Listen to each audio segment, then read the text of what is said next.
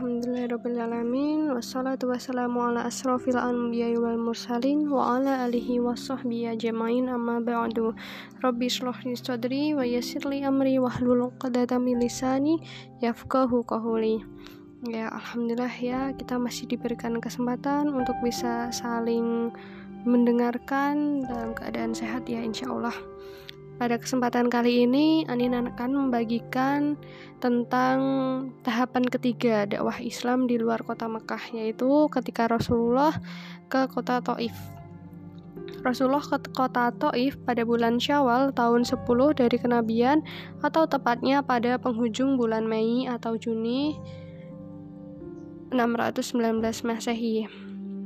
Rasulullah Shallallahu Alaihi Wasallam keluar menuju ke kota Taif yang letaknya sekitar 60 mil dari kota Mekah. Nah, beliau bersama dengan Zaid bin Harithah. Yang saat itu Zaid ini masih menjadi budak. Setiap melewati perkampungan sebuah kabilah, Rasulullah mengajak mereka kepada Islam. Namun, tidak ada seorang pun yang menyambut ajakan beliau. Tatkala tiba di Taif, Beliau mendekati tiga orang bersaudara yang merupakan para pemuka kabilah Sakif. Sakif ya. Mereka adalah Abdul Yalail, Mas'ud, dan juga Habib. Ayah mereka bernama Amru bin Umair As-Sakafi. Nah, beliau duduk-duduk bersama mereka sembari mengajak mereka kepada Allah dan membela Islam. Namun, salah satu dari mereka berkata, "Jika Allah benar-benar mengutusmu, itu berarti dia telah merobek-robek kiswah Ka'bah. Kemudian orang kedua berkata, "Apakah Allah tidak menemukan orang lain selain dirimu?" Orang terakhir berkata, "Demi Allah, aku sekali-sekali tidak akan mau berbicara denganmu. Jika memang engkau seorang rasul, tentu engkau adalah bahaya besar bila aku menjawab pertanyaanmu. Dan jika engkau seorang pendusta terhadap Allah, maka tidak patut pula aku berbicara denganmu."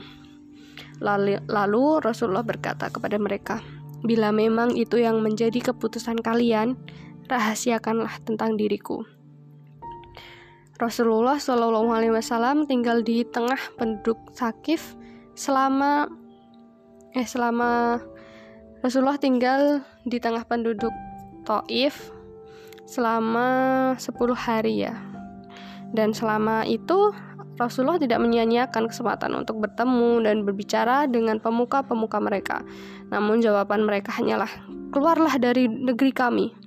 Mereka membiarkan beliau menjadi bulan-bulanan orang-orang bodoh di kalangan mereka. Ketika beliau hendak meninggalkan negeri tersebut, orang-orang bodoh itu beserta budak-budak mereka mencaci maki dan meneriaki beliau hingga membuat banyak orang berkumpul. Mereka menghadang beliau dengan membuat dua barisan, lalu melempari beliau dengan batu dan ucapan-ucapan yang tak senonoh, serta mengarahkannya ke urat di atas tumit beliau, sehingga dua sandal beliau bersimbah darah. Zaid bin Harithah yang bersama beliau menjadikannya dirinya sebagai perisai, perisai untuk membentengi diri Rasulullah. Tindakan ini mengakibatkan kepalanya mengalami luka-luka, sedangkan orang-orang tersebut terus melakukan itu hingga memaksanya berlindung ke tembok milit Utbah dan juga Syaibah, dua orang putra Rabi'ah yang terletak di tiga mil dari kota Taif. Ketika sudah berlindung di sana, mereka pun meninggalkan Rasulullah. Beliau menghampiri sebuah ini Rasulullah menghampiri sebuah pohon anggur lalu duduk-duduk dan berteduh di bawah naungannya menghadap ke tembok. Setelah duduk dan merasa lebih tenang, beliau berdoa dengan sebuah doa yang amat masyur. Doa yang menunjukkan betapa hati beliau dipenuhi rasa duka sekaligus sedih terhadap sikap keras yang dialaminya, serta menyayangkan tidak adanya seorang pun yang beriman. Beliau mengadu, "Ya Allah, hanya kepadamu aku mengadu kelemahan diriku. Sedikitnya upayaku serta hinanya diriku di hadapan manusia." Wahai zat yang paling pengasih di antara para pengasih, engkau adalah Rob orang-orang yang lemah, engkaulah Robku, kepada siapa lagi engkau menyerahkan diriku? Apakah kepada orang yang jauh tetapi bermuka masam terhadapku, atau kepada musuh yang telah menguasai urusanku? Jika engkau tidak murka kepadaku, maka aku tidak ambil peduli. Akan tetapi, ampunan yang engkau anugerahkan adalah lebih luas bagiku. Aku berlindung dengan perantaraan cahaya wajahmu yang menyinari segenap kegelapan dan karenanya urusan dunia dan akhirat menjadi baik agar engkau tidak turunkan murkamu kepadaku atau kebencianmu melanda diriku. Engkaulah yang berhak menegurku hingga engkau menjadi ridho. Tidak ada daya serta kemampuan melainkan karena perkenaanmu. Nah, itu tadi adalah doa Rasulullah ya. Kalau misalnya kita menerjemahkan la haula wala quwata illa billah ya, tidak ada suatu daya kecuali atas izin Allah ya. Nah, Masya Allah sekali. Kemudian kedua putra Robiah yang menyaksikan hal itu menjadi tergerak hatinya sehingga mereka memanggil Adas. Nah, Adas ini adalah seorang Nasrani yang mengabdi kepada putra Robiah ini ya. Dan ber, dan berkata kepada ini kepada Adas ya mereka. Ambillah setangkai anggur ini dan bawakan untuk orang tersebut. Kemudian tatkala Adas menaruhnya di antara kedua tangan Rasulullah, beliau mengulurkan tangannya untuk menerimanya sembari membaca. Ini Rasulullah membaca Bismillah lalu memakannya. Kemudian Adas ini terkejut ya gitu sambil berkata, sesungguhnya ucapan ini tidak biasa diucapkan oleh penduduk negeri ini. Lantas Rasulullah ini bertanya kepada Adas, "Kamu berasal dari negeri mana dan apa agamamu?" Adas menjawab, "Aku seorang Nasrani dari penduduk Ninawi, Ninawi atau Nineveh." gitu kan. Rasulullah berkata lagi, "Dari negeri seorang saleh bernama Yunus bin Mata." Kemudian Adas menjawab, "Apa yang kamu ketahui tentang Yunus bin Mata?" Rasulullah menjawab, "Dia adalah saudaraku, seorang yang dulunya adalah nabi, demikian pula dengan diriku." Ades langsung merengkuh kepala Rasulullah dan kedua tangan dan kakinya lalu diciumnya. Sementara itu salah seorang dari put dua putra Rabi'ah berkata kepada yang lain, "Budakmu itu telah membuatnya menentangmu." Tatkala Ades datang, keduanya berkata kepadanya, "Celakalah dirimu, apa yang terjadi dengan dirimu ini?" Kemudian Ades menjawab, "Wahai tuanku, tidak ada sesuatu pun di muka bumi yang lebih baik dari orang ini. Dia telah memberitahukan kepadaku suatu hal yang hanya diketahui oleh seorang nabi." Jawabnya, "Celakalah dirimu, wahai Adas." Jangan biarkan dia memalingkanmu kepada dari agamamu sebab agamamu lebih baik daripada agamanya. Kata mereka berdua ya.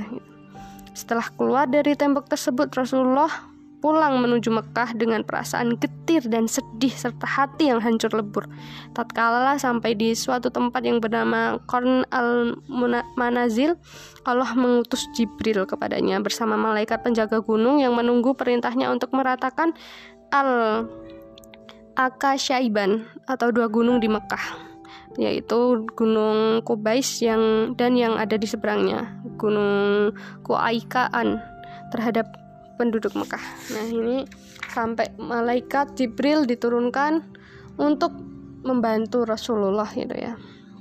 Nah, di sini Imam Al-Bukhari meriwayatkan rincian kisah ini dengan sanatnya dari Urwah bin Azubair bahwasanya Aisyah bercerita kepadanya bahwa dia pernah berkata kepada Nabi Muhammad ya ini Apakah engkau menghadapi suatu hari yang lebih berat daripada perang Uhud? Kemudian beliau menjawab, ini Rasulullah menjawab, aku men pernah mendapatkan perlakuan kasar dari kaummu, tetapi perlakuan mereka yang paling berat adalah pada waktu di Akobah ketika aku menawarkan diriku kepada Ibnu Abdu Yailail bin Abdu Kalal, tapi dia tidak menanggapi keinginanku sehingga aku beranjak dari sisinya dalam kondisi bermuram duka karena sedih. Ketika itu aku belum bersad tersadarkan kecuali sudah di dekat Korn Asa Alib atau sekarang itu disebut Korn An Nazil. Waktu aku mengangkat kepalaku, tiba-tiba datang segumpal awan menaungiku. Lalu aku melihat ke arahnya dan ternyata di sana ada Jibril yang memanggilku. Dia berkata, Sesungguhnya Allah telah mendengar ucapan kaummu kepadamu dan reaksi mereka terhadapmu. Allah telah mengutus kepadamu malaikat penjaga gunung untuk engkau perintahkan kepadanya sesuai keinginanmu terhadap mereka. Malaikat penjaga gunung tersebut memanggilku sembari memberi salam kepadaku kemudian berkata, "Wahai Muhammad, hal itu terserah kepadamu. Jika engkau menginginkan aku meratakan mereka dengan al-aksyaiban, maka aku akan lakukan." Kemudian Nabi menjawab, Bahkan aku berharap kelak Allah memunculkan dari tulang rusuk mereka orang-orang yang menyembah Allah semata-mata uh, ini menyembah Allah semata dan tidak menyentuh, menyekutukannya dengan suatu pun. Melalui jawaban yang diberikan oleh Rasulullah Shallallahu Alaihi Wasallam ini tampak ini tampaklah sosok yang unik ya. Tiada duanya lah dari kepribadian dan akhlak beliau yang demikian agung yang sulit dicari bandingannya sampai-sampai udah diberikan kesempatan nih untuk mengambil alih semuanya untuk memberikan apa pun gitu kan untuk memerintahkan apa pun tapi Rasulullah tetap menolak gitu kan. Hanya berdoa bahwasanya hanya berharap bahwasanya kaumnya kaum kaum yang ada di sana itu menyembah Allah itu ya karena karena ingin menyembah Allah semata aja gitu kan. Bukan karena Rasulullah bukan karena sebuah kekuatan apa pun gitu masya Allah sekali ya Rasulullah Shallallahu Alaihi Wasallam tersadar dan hatinya merasa tentram berkat pertolongan goib yang diberikan oleh Allah kepadanya dari atas tujuh langit. Kemudian beliau meneruskan perjalanan hingga sampai ke lembah Naklah dan berdiam diri di sana selama beberapa hari. Di lembah Naklah tersebut terdapat dua tempat yang cocok untuk didiami, yaitu As-Sail Al-Kabir dan Az-Zimah.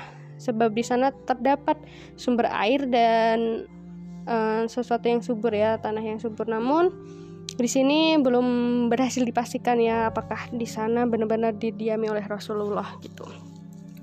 Nah, selama beliau di sana, Allah mengutus kepada beliau segolongan jin yang kisahnya diabadikan dalam Quran surat Al-Ahqaf. Ini ayat 29 sampai 31. Nah, bisa dicek ya itu.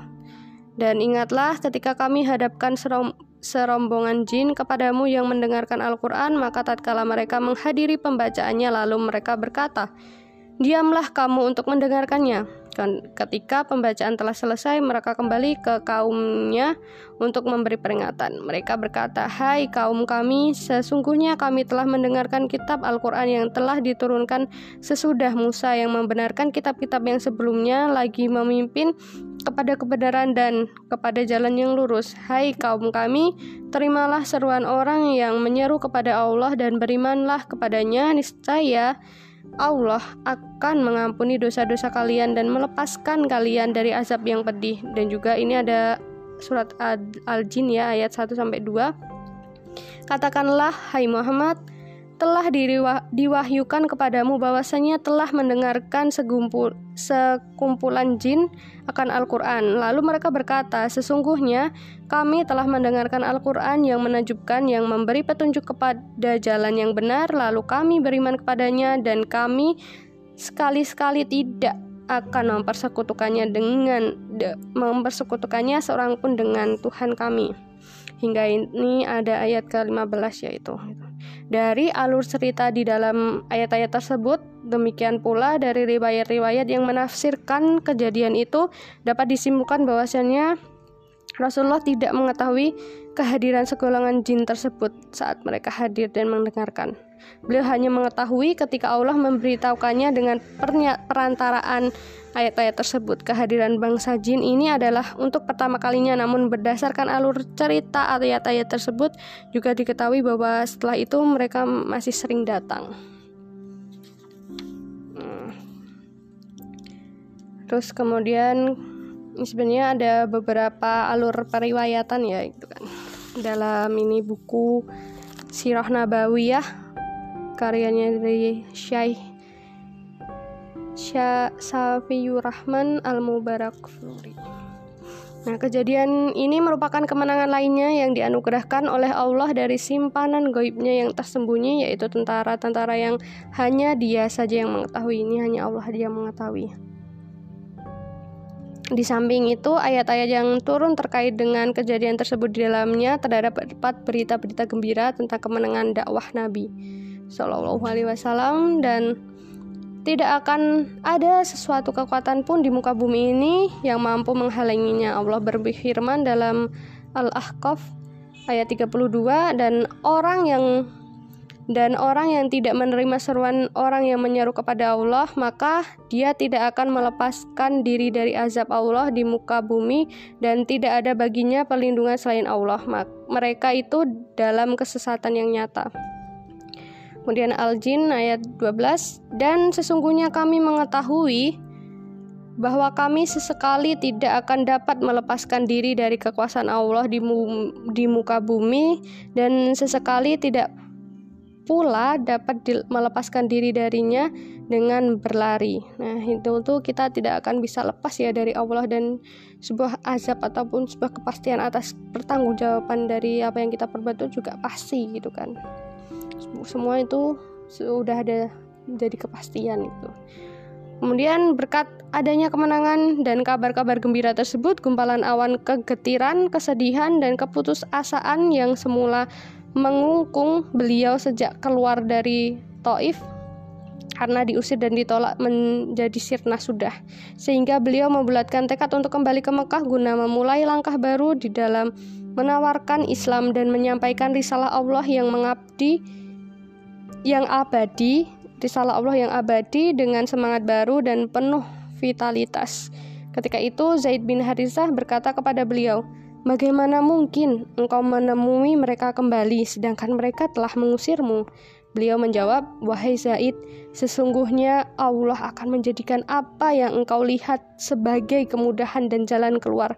Sesungguhnya Allah akan menolong dinnya dan akan memenangkan nabinya. Ya, masya Allah banget ya betapa Rasulullah itu sangat optimis bahwasanya akan ada jalan keluar atas sebuah cobaan, atas sebuah rintangan gitu kan. Akan menjadikan semua itu mudah dengan jalannya Allah. Kemudian Rasulullah meneruskan perjalanannya menuju ke Mekah hingga ketika sudah mendekat beliau tinggal di Hira sembari mengutus seorang dari suku Kuzu'ah agar mendatangi Al-Ahnas bin Shuraik guna meminta suakanya. Suakanya itu kayak sebuah apa ya namanya kebijakan gitu untuk ya nanti bisa dicari lah tentang budak gitulah kayaknya itu kayak mengambil alih gitu. Lalu dia ini Al-Akhnas berkata, "Aku ini adalah sekutumu, maka seorang sekutu tidak memberikan suakanya." Kayak tawanannya kayaknya, kalau nggak salah ya. Nanti bisa dicari. Kemudian beliau mengutus utusannya tersebut kepada Suhail bin Amru lalu dia berkata sesungguhnya Bani Amir tidak memberikan suaka kepada Bani Ka'ab. Lalu beliau mengutus utusannya tersebut kepada Al-Mut'im bin Adi. Maka berkatalah ia ya berkatalah ia ya. Kemudian dia mengenakan senjata dan mengajak anak-anak dan kaumnya seraya berkata pakailah senjata dan jadilah kalian pondasi Baitullah. Karena sesungguhnya aku telah memberikan suaka kepada Muhammad. Dia kemudian mengutus seorang menemui Rasulullah agar dipersilahkan untuk menemui dirinya. Lalu Rasulullah pun masuk menemui bersama Zaid bin Harisah hingga sampai ke Masjidil Haram. Di sana Al-Mut'im bin Adi sedang berada di atas tunggangannya sembari berseru, "Wahai kaum Quraisy, Sesungguhnya aku telah memberikan suaka kepada Muhammad, maka janganlah ada seorang di antara kalian yang mengejeknya. Rasulullah dibimbing hingga sampai ke rukun Yamani atau salah satu pojok Ka'bah. Lalu beliau menyentuhnya. Selanjutnya beliau melakukan tawaf sholat dua rakaat kemudian pulang ke rumahnya sementara Al-Mut'im bin Adi dan anak-anaknya masih bersiap siaga dengan senjata beliau dengan senjata hingga beliau benar-benar memasuki rumahnya ada riwayat yang menyebutkan bahwa Abu Jahal ketika menanyai Al-Mut'im benarkah engkau sebagai seorang pemberi suaka atau pengikut alias sudah masuk Islam? Dia menjawab, benar, tapi aku hanya seorang pemberi suaka. Lalu Abu Jahal berkata kepadanya, "Kalau begitu, kami telah memberikan suaka kepada orang yang telah engkau berikan suaka tersebut." Rasulullah Shallallahu Alaihi Wasallam tidak pernah lupa kebaikan yang dibuat oleh Al-Mut'im terhadap dirinya. Maka beliau pernah berkata saat di tengah tawanan perang Badar, Andai kata Al-Mut'im masih hidup, kemudian dia berbicara kepada Guguna menembus mereka, saya akan kuserahkan urusannya kepadanya. Nah, seperti itulah dakwah di Taif yang dilakukan oleh Rasulullah dengan segala rintangannya. Jadi, masya Allah sekali betapa perjuangan Rasulullah dalam menegakkan Islam itu sangat luar biasa. Dan apa kabar kita nih, gitu kan? Kita sudah menemukan Islam nih kita sudah ada di Islam kita tidak berjuang sedemikian rupa seperti yang Rasulullah lakukan. Apa, kabar dengan iman dan juga giroh kita? Nah semoga dengan adanya kisah yang saya bacakan tadi dari buku yang saya baca semoga bisa menjadikan referensi dan juga kekuatan bagi kita untuk selalu membaik setiap harinya. Sekian dari saya Afwan Waminkum